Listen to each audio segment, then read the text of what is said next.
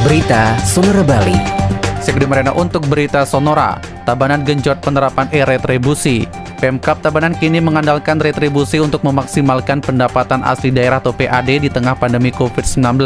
Selain retribusi parkir yang ditarget 6 miliar rupiah tahun 2022, retribusi pasar ditarget 6,2 miliar rupiah. Kepala Dinas Perindustrian dan Perdagangan Tabanan Iputu Santika menjelaskan tahun 2022 retribusi pasar ditarget 6,2 miliar rupiah. Dengan target tersebut, pihaknya pun harus mengoptimalkan e-retribusi yang sekarang sudah berjalan. Untuk mencapai target tersebut, Santika mengaku akan mengoptimalkan target retribusi pasar secara elektronik yang telah diterapkan di pasar. Retribusi pasar ini sudah berlangsung di enam pasar di Tabanan. Menurutnya penerapan retribusi elektronik terus digenjot, terbaru tengah persiapan penerapan e-retribusi pasar di Pasar Tabanan.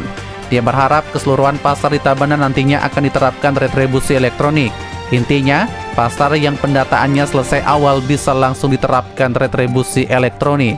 Menurut Santika, target retribusi yang diberikan akan dikejar secara maksimal meskipun di tahun 2021 capaian retribusi hanya 4,5 miliar rupiah dari target 6,2 miliar rupiah. Untuk diketahui penerapan e-retribusi baru bisa diterapkan oleh Pemkap Tabanan tahun 2021. Padahal, e-retribusi diwacanakan sejak tahun 2019.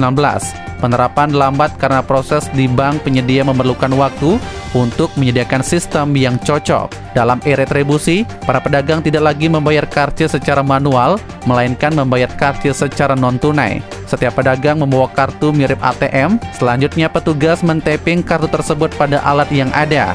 Penerapan e-retribusi terapkan Pemkap Tabanan sebagai salah satu upaya meminimalisir kebocoran PAD, terutama sektor pendapatan di pasar. Demikian Gede Marena untuk berita Sonora kembali ke program selanjutnya. Demikian berita Sonora Bali.